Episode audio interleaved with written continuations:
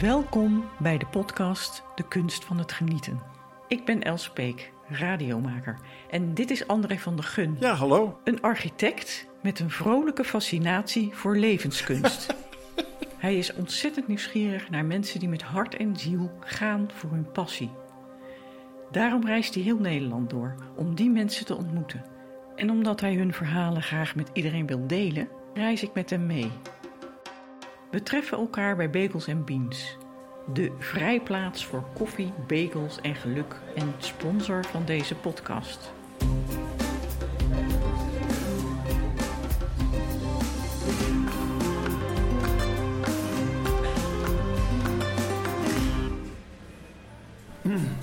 Ben je ook verkouden of... uh, nee, toch niet. Valt voor mij maar een uh, jungle juice met spinazie. Dat lijkt me wel een uh, veranderde opkikker voor na de griep. Nou, ik kroketjes met truffelmayonaise.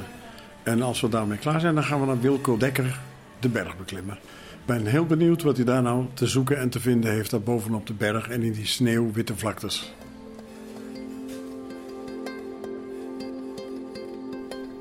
Aflevering 2. Euforie en evenwicht.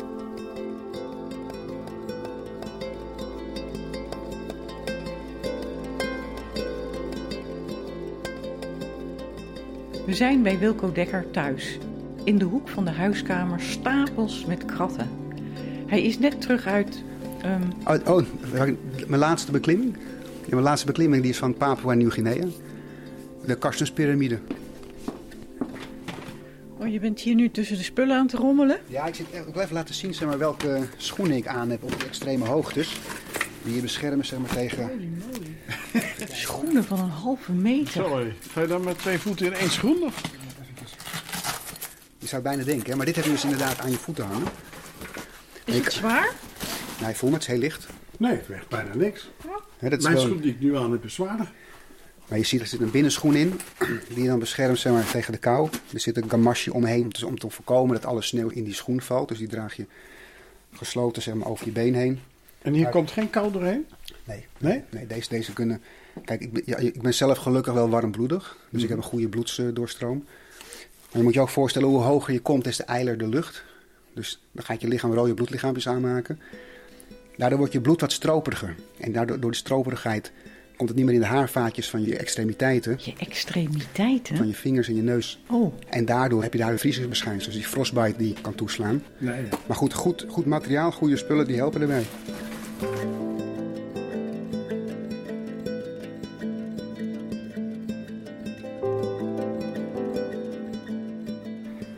De hele voorbereiding waarbij het traject eigenlijk al begint.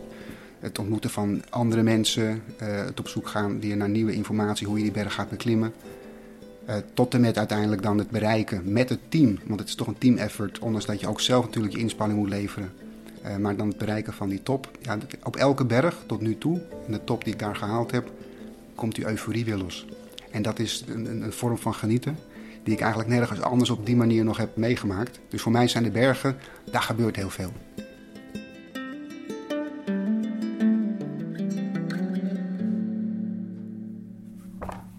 Wilco, je bent net teruggekomen van een reis. Ja, en ik moet wel zeggen, de zwaarste tot nu toe van alle reizen die ik, die ik gemaakt heb. We waren daar met een expeditie van 12 man. We moesten 65 kilometer door de jungle voordat we uiteindelijk bij het basecamp van de berg konden komen. En met name de omstandigheden waren heel zwaar.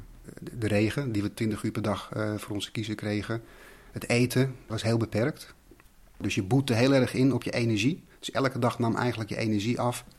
En de berg die had in mijn beleving ook wel heel veel nieuwe dingen die ik in Alaska of in Zuid-Amerika of op de Mont Blanc niet was tegengekomen. Dus ook dat heeft me wel wat gebracht. Maar het heeft me ook geleerd dat dit soort expedities ook nog weer te veel afleiding hebben. Te veel kleur, er, gebeurt te veel. Het is, ik wil niet zeggen te hectisch. Maar ik merk dat in de sneeuw, op het ijs, er meer met me gebeurt. Misschien ook omdat die bergen die ik daar beklommen heb hoger zijn dan de berg die ik, die ik nu beklommen heb. Dus misschien heeft dat ook wel daar nog iets mee te maken. Dat er nog te veel zuurstof in de lucht zat om nog druk te kunnen zijn, bij wijze van spreken. Terwijl als je hoger komt, zit er minder zuurstof in de lucht. Word je, word je nog meer gedwongen om rustiger aan te doen.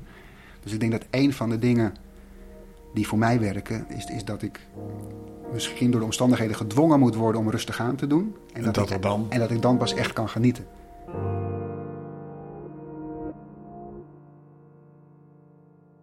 Hoe ben je in die bergen terechtgekomen? Het verhaal is begonnen eigenlijk in 2001, toen ik in Kenia, Tanzania een backpacktocht aan het maken was. En ik had een paar plaatsen aangestipt zoals ik dat altijd doe, om langs te gaan. En ik zag dat ik op mijn weg langs die plaatsen ook langs de Kilimanjaro kwam. En ik dacht van nou, wat zou het leuk zijn om die Kilimanjaro een keer te beklimmen. Naïef als ik was, ik had een, een paar handschoenen en muts meegenomen. En ik denk van het kan misschien koud worden daar hoog op die berg.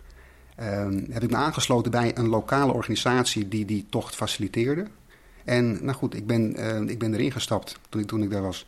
En, en wonder boven wonder op een of andere manier, misschien ook door de conditie die ik al had van het spelen van rugby, wat ik in die tijd erg actief deed, had ik die basisconditie al te pakken. Maar uiteindelijk lukte het me om die top te halen.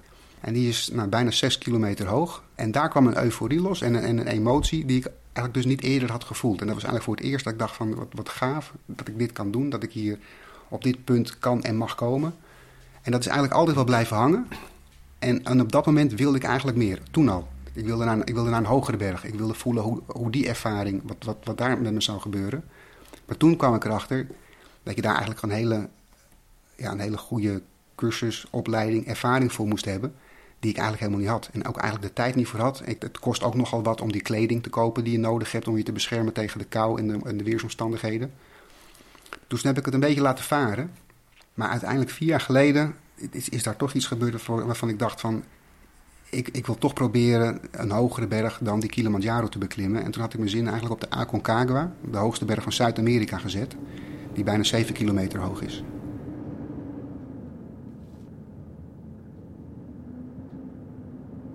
Nou, en toen is eigenlijk het hele, het hele spel begonnen van goed, welke kleding heb je nodig? Uh, hoe leer je nou op een gletsjer uh, lopen? Hoe leer je met stijgijzers omgaan? Welke, nou goed, et cetera, et cetera. Dus ik heb een paar cursussen gedaan. Ik heb me aangesloten bij een organisatie die daarin bedreven was. En uiteindelijk heel langzaam toegewerkt naar die beklimming. Alhoewel dat een stap te ver was in eerste instantie. Dus ik dacht, misschien is de Mont Blanc een goede opstap om eens kennis te maken met sneeuwomstandigheden, met ijs, met het ervaren wat, wat die hoogte met je doet als je met touwen in de weer bent. En eigenlijk is daar de eerste stap gemaakt richting die bergen. En bij het beklimmen van die Mont Blanc kwam weer het gevoel naar boven. Het was, het was enorm zwaar, zo enorm eh, stormachtig en er stond zo enorm veel wind. En eigenlijk had ik, had ik er te makkelijk over gedacht. Ik had te weinig getraind. Dat ik zoveel pijn had en zo erg met mezelf werd geconfronteerd. Dat ik, dat ik op een gegeven moment dacht van waar, waarom doe ik dit? Ga lekker naar beneden, pak een biertje aan de bar en weet je, we vergeten alles. En het andere stemmetje wat denkt, nou, maar als je doorzet en je haalt die top, dan komt die euforie weer terug die je ook op die vorige berg hebt ervaren.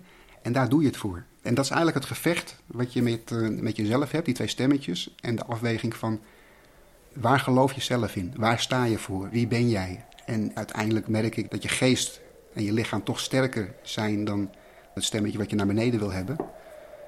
En dat je dus eigenlijk meer kan dan je in eerste instantie denkt.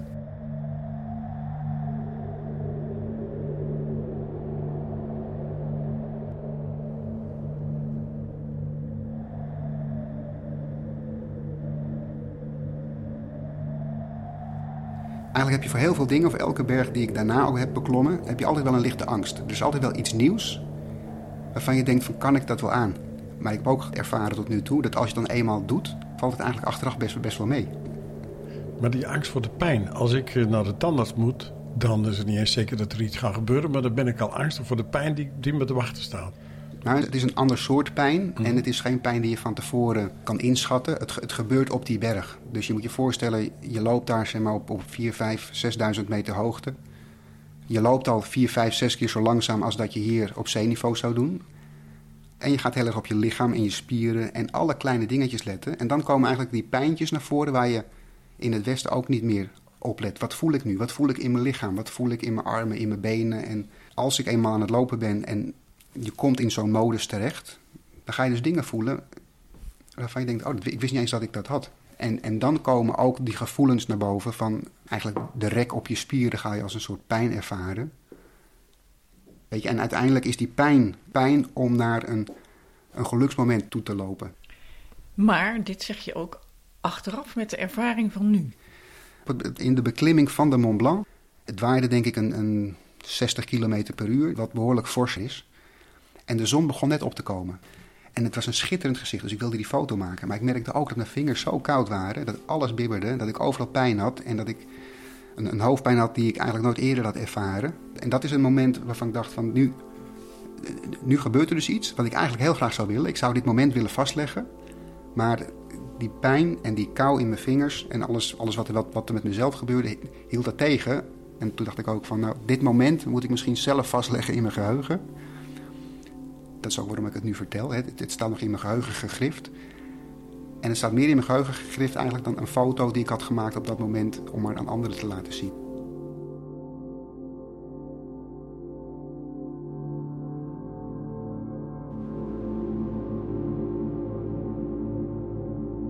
Heb jij een heel strak trainingsschema? In een week sport ik denk ik sowieso wel vier keer, vijf keer. En dat is dan heel gevarieerd. Dat kan uh, mountainbiken, racefietsen, hardlopen, uh, slacklinen zijn, windsurfen. Als het waait, dan ben ik op het water te vinden. Ja, dus ik denk dat daardoor je hele lichaam gewoon goed in balans blijft. Als je je richt op één sport, dan ontwikkel je je vaak in één gebied. En, en voor mij is die balans in je lichaam ook heel belangrijk. Wat heb je daar nu staan? Oh, wat hier staat is eigenlijk een indoor slackline. Wat ik zelf heel leuk vind om te doen is, is slacklinen. En vaak doe ik dat buiten. Wat is slacklinen? Slacklinen kan je eigenlijk vergelijken met, met koordansen. Alleen dan op een dunne spanband. En die staat daar. Als jullie die nou eens even... Nou, die gaan we pakken. Ja, we pakken hem. Opeens is de huiskamer helemaal in beslag genomen door een drie meter lange stellage. Ja, hier staat. Er hangt een spanband in van zo'n 3 centimeter breed. Zo kun je koordansen op 30 centimeter hoogte. Nou, dan is de truc, ik zal het even voordoen. Ja? Is dat je, en hij kan volgens mij wel met schoenen aan. Is dat je erop gaat staan en probeert je evenwicht te houden. En dan er overheen probeert te lopen. Oh jee. Nou zie je, dus het gaat goed. Je kan nog draaien als het nodig is. En dan spring je eraf. het gaat even om het gevoel. Je kan gewoon op mij vertrouwen en mij vasthouden als het nodig is. Oké. Oké. Nou, maar kijk, nu ga ik je het loslaten en blijf staan. En dan moet je kijken Wat wat moet er je bijvoorbeeld dwars staan of had jij je... zo naar recht vooruit. Ja. Recht vanuit. En, en kijk dan wat er met je lichaam gebeurt en wat je voelt. Oh. Het is spanning, het is nieuw. Ja. Het is allemaal evenwicht zoeken. Weet je, het, is, Ja, het is evenwicht zoeken. het is Ik kijken heb wat het er- nog niet gevonden. Nou, ook, ook daar, en dit is oefening baart kunst. Maar het gaat erom dat je spieren uiteindelijk vertrouwd raken. Uh-oh. Oh. Als ik doorloop, dan gaat het Nee, wel. nou, dan gaat het wel, dat klopt. En die beweging, zoals met fietsen, weet je, dan val je ook niet om. Kijk, en hier geldt eigenlijk, in het begin denk je van, nou, dit, dit ga ik nooit leren. Ja. Weet je, dit, dit, dit komt niet goed. Maar uiteindelijk de vraag is, hoe graag wil je dit? Weet je, en dan is uiteindelijk de aanhouden wint. Weet je, want het is tijd investeren, je lichaam bekend laten maken met de Meters nieuwe maken, bewegingen. Meters maken. meters maken. En uiteindelijk zal je zien dat je je eerste stappen kan zetten. En dat is eigenlijk onderdeel, dan begint het al. Dan komt die euforie. Dan denk je, verdorie, ik kan het. Weet je, als je ergens in gelooft en het gebeurt, dan is dat de stap zeg maar, naar de volgende treden. Nou goed, en dan begin je uiteindelijk jezelf te ontwikkelen. Oké, nog een keer en dan kijken of je euforisch wordt. Ja? ja. En misschien, misschien moeten we dan op alle kantoren zo'n dingetje neer gaan zetten. Ik, ik denk dat dat heel goed is. Ja, weet je, weg van, je, van de stoel. Oh, wacht, we moeten even omdraaien. Dat ik- Ja. Ik probeer het even andersom. Pak mij voor als het nodig is. Het lopen, dat gaat wel. Zo. Anders zal ik een paar tips geven. Probeer gewoon naar één punt te kijken. Ja, je houdt de kast vast, ik zie het. André probeert is gewoon op één plaats te blijven staan zonder te lopen. Dus ik zal, je ik zal het voordoen. Je plaatst één been erop. Hou je armen wijd. Ja. Hè, dat, is, dat is gewoon om je balans goed te kunnen vinden. En probeer op, de, op die ene been te staan. En als je dit kan, dan is uiteindelijk de volgende stap ook hetzelfde. Je lijkt wel een balletdanser, joh. Nou, dat is eigenlijk ook het punt natuurlijk. Dan kan je het omdraaien. Jeetje. En je kan naar beneden als het nodig is. En weer Op omhoog. zijn knieën, op zijn knieën. Ja. Gehurkt. Veren, hopsa. Nou, zo ver ben ik nog Maar probeer niet. op één been te staan. Op één been. Op één been. Ja. Kijk naar één punt en hou je armen bij. Nou goed, maar dit moet je eigenlijk een kwartier lang doen. Dus misschien hebben we de tijd daar niet voor. Concentreer, concentreer. Kijk, nou. Nou, kijk, daar gaan we al. Ja. Je bent uitvoering. Dat is mogelijk en op mijn rechterbeen, dat is mijn rechterbeen. Maar je moet eerst dit gevoel doorkrijgen. Eroverheen lopen, heel snel. Want dan ga je, ben je eigenlijk alweer bezig in de hectiek van deze wereld. Hè? Snel ergens voor- in voorbij gaan, snel doorlopen. Het gaat ook even stilstaan en kijken wat er met je gebeurt. Als je je gewoon in, ergens neerzet, weet je, waar mensen gewoon af en toe even naartoe kunnen. Om even weg te lopen van hun werkplek. Dan hebben ze en hun beweging te pakken. En daarna ga je weer zitten en zit je weer vol energie. En kan je denk ik ook makkelijker weer verder achter je computer of welk werk je dan ook doet. Ik geloof ook niet dat wij gemaakt zijn om met computers aan de slag te gaan. Hè, Ik, ik denk dat we met z'n allen beter of kunnen gaan wandelen... of als je het leuk vindt de bergen in kan gaan... of, of, of een slackline tussen bij bomen kan spannen. Maar goed, dat daar gelaten. Maar je is- zit, je zit zelf in de computers, notabene. ja, dat klopt. Dat is inderdaad misschien ook. En misschien wil ik dat ook wel, want ik wil ook die kant in de gaten blijven houden. Om goed te kunnen snappen wat daar gebeurt en het te kunnen wegzetten. Om die balans weer te vinden van hoe verhoudt zich dat dan met wat er in de bergen eh, ja, op me afkomt. Ja, dat evenwicht. Dat Dat eigenlijk hier ook Ja. is.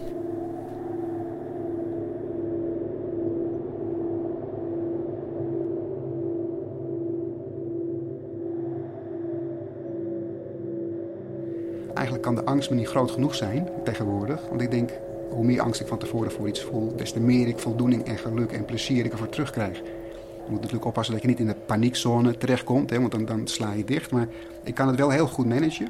En daar nou goed, krijg ik dan weer die energie van terug. Die euforie die je ervaart, is dat niet platte verslaving? Oh, dat is, dat is het zeker. Ja, nee, dat, dat, dat is het zeker. Want ik dacht dat ik het bij één berg zou kunnen laten. Ja, je wil dan toch weer een stap verder. Dat kan dan niet meer, in mijn beleving, om dezelfde berg te beklimmen of eenzelfde type berg. Want dan kom ik in een soort kringetje. Het moet voor mij echt iets nieuws zijn of iets toevoegen wat ik niet, niet eerder heb ervaren. Waardoor ik die euforie weer kan voelen. Wat ook wel gevaarlijk kan zijn soms. Want de vraag is, waar stopt dat? Of wat is de next step? Maar misschien is dat ook wel de vraag waar ik zelf naar op zoek ben. Van, ja, waar, waar stopt dat?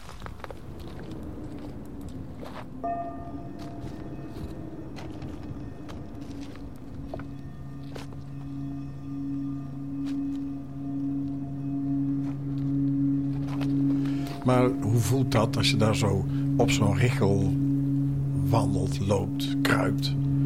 Ja, het, eigenlijk het eerste wat dan in me opkomt is respect voor de natuur. Omdat het zo, zo wijds, groots, maar ook een bepaalde oerkracht uitstraalt. En je voelt je als mens in één keer weer zo nietig en klein. Slaat die kracht wel eens toe als je eventjes niet oplet of zo?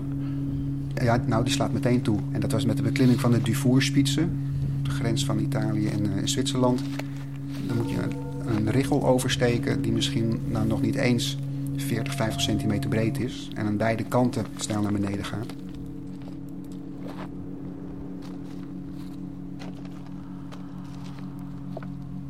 Er is geen vangnet. Het enige vangnet wat je hebt is, eh, is de persoon die achterloopt waar je aan touw aan vast eh, zit. En als jij valt, dan moet hij naar de andere kant springen om je in evenwicht te houden.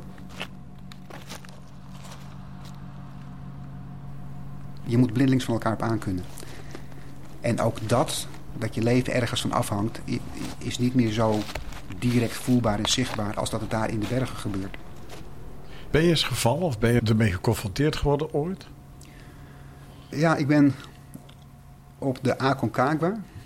Daar ben ik 15 meter naar beneden gevallen. We waren bijna bij de top, 7000 meter hoog. En ik had al het gevoel van, ik ga dit halen. Ik, ik ben er al. Ik had een meter te gaan en ik zette mijn voet op een steen. En ik voelde dat die steen begon te wankelen en ik begon te zwaaien met mijn stokken. Ik kon niks vastpakken en ik voelde dat ik achterover viel. En ik had gelukkig mijn rugzak en wel een helm op, maar ik maakte me klein en ik, en ik voelde me rollen. Ik denk dat ik wel twee keer over de kop sloeg. En uiteindelijk lag ik stil. Op een gegeven moment deed ik mijn ogen open. Wat gaat er nou door me heen? Heb ik iets gebroken? Is er, voel ik pijn? Gelukkig voelde ik helemaal niks. Tilde mijn ene arm op, ik tilde mijn andere arm op. En ik denk van, nou, dit, dit lukt gelukkig, mijn benen ook. En goed, ik was blij dat ik uiteindelijk helemaal niks had. Maar ik, ik kan me nog zo voor de geest halen het moment. En dat ging eigenlijk als in een vertraging. Dat ik achterover viel. En dat ik eventjes eigenlijk in die halve pauze achterover bleef hangen. De tijd staat even stil op dat moment. Ja, ik was gewoon even weg. Ik, ik was al met mijn kop op de top. En ik had nog maar een meter te gaan. Nou, dit, is bizar.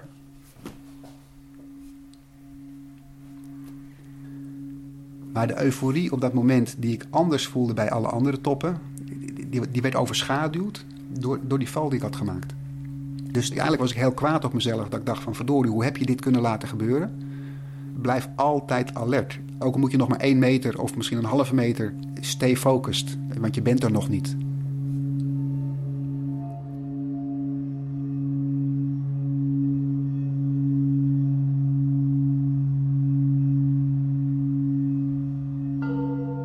Ligt het je ook er iets van te maken in het leven hier beneden, zonder de bergen? Ja, heel veel. Ik heb ook al gezien dat de afgelopen jaren me een andere kijk op de wereld hebben gegeven. Dingen hebben toegevoegd die ik voorheen niet zag. Uiteindelijk heb ik voor mezelf gezien dat de hele voorbereiding, het daar zijn op die berg, daar met dat team alles meemaken, me eigenlijk veel meer heeft gebracht dan echt het halen van die top. Het halen van de top is altijd, de, vind ik, de kers op de taart. Maar uiteindelijk, die hele taart is al een feest op zich. Om, om te zien wat daar gebeurt, wat er met jezelf gebeurt. En dus ook wat je leert en mee terugneemt naar je dagelijkse manier van leven in het Westen. Want als ik hier weer terugkom, ik heb vaak wel weer drie, vier, vijf weken soms nodig om te acclimatiseren. Alles gaat hier zo snel en is zo hectisch en, en we worden zo geleefd door de omgeving en alles wat de economie van ons vraagt. En in de bergen heb je enorme rust ervaren. Soms zit je in de binnenkant van een pingpongbal. Alles is wit. En dan is elk klein dingetje wat je ziet, een rood bosje wat voorbij vliegt, dat komt zoveel meer binnen. Of de smaak van een donut met smeerkaas en zalm. Nou, ik kan je vertellen, als je dat daar op die berg op dat moment eet, dan smaakt dat echt als een, uh, nou, een vijf-sterren restaurant, zeg maar, waar je het neusje van de zalm krijgt. Ook omdat je daar alleen maar oog voor hebt dat dat op dat moment iets is waar je volledig op concentreert. En als je dan terug bent in het westen, dan zie je daar zoveel meer dingen. Je krijgt zoveel meer prikkels, er is zoveel meer geluid, er is zoveel meer lawaai. Alles moet zoveel meer sneller dat je eigenlijk geen tijd meer hebt om je op één dingetje te concentreren. Om om je heen te kijken en te genieten van dingen, omdat je alweer wordt afgeleid voordat je van iets hebt kunnen genieten. Ik zou ervoor pleiten om op scholen bijvoorbeeld wat meer les te gaan geven van eh, waar kan je nou nog echt van genieten? Of hoe moet je genieten van iets? Of Ehm, hoe kan je dingen nou binnen laten komen en nadenken van wat, wat, wat voel ik of wat zie ik of wat gebeurt er met me. Maar ik merk dat voor mij die bergen een hele goede balans brengen in het leven hier in het Westen en wat vind ik nu belangrijk. Er zijn een paar dingen waar ik echt heel, heel erg blij en gelukkig van word. En dat is uh, onder andere windsurfen. Ik vind motorrijden heerlijk. Ja, en, en er zijn een paar andere dingen waar ik zelf ook heel erg gelukkig van word. En dat is met name om anderen te inspireren of mee te nemen in de dingen die ik ook leuk vind. En om kennis over te dragen. En naast dat windsurfen of snowboarden en slackline is gitaarspelen ook een passie van me geworden. Omdat ik daar zelf blij van word. Het is net of die trillingen zeg maar weer terugkomen in mijn lichaam en mezelf in een resonantie brengen waar ik gewoon waar ik blij van word. En ik wil dat gevoel meegeven aan andere mensen.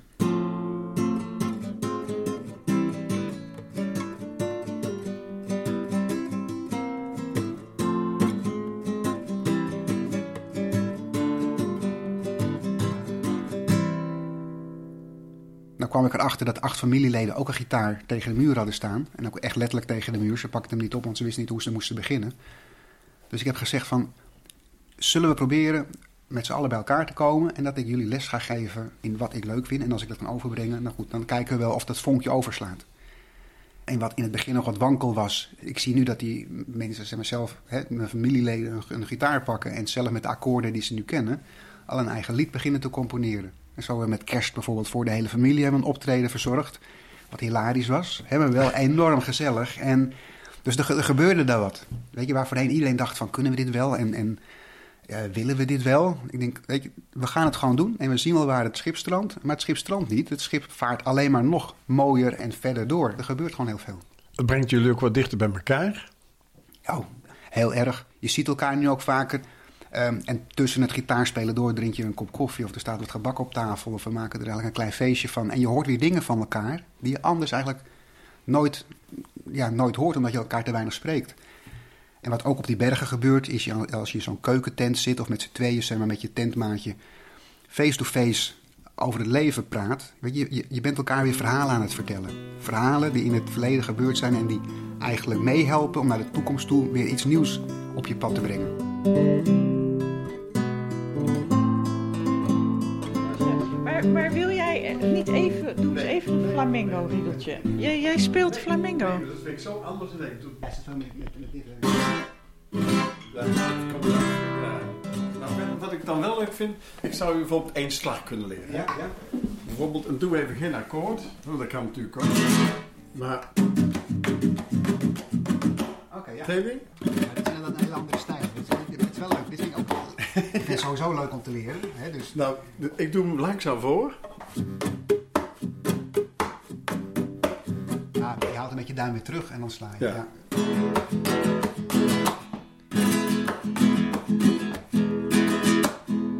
Ik wil het even proberen. Probeer dit het is wel een leuk inderdaad.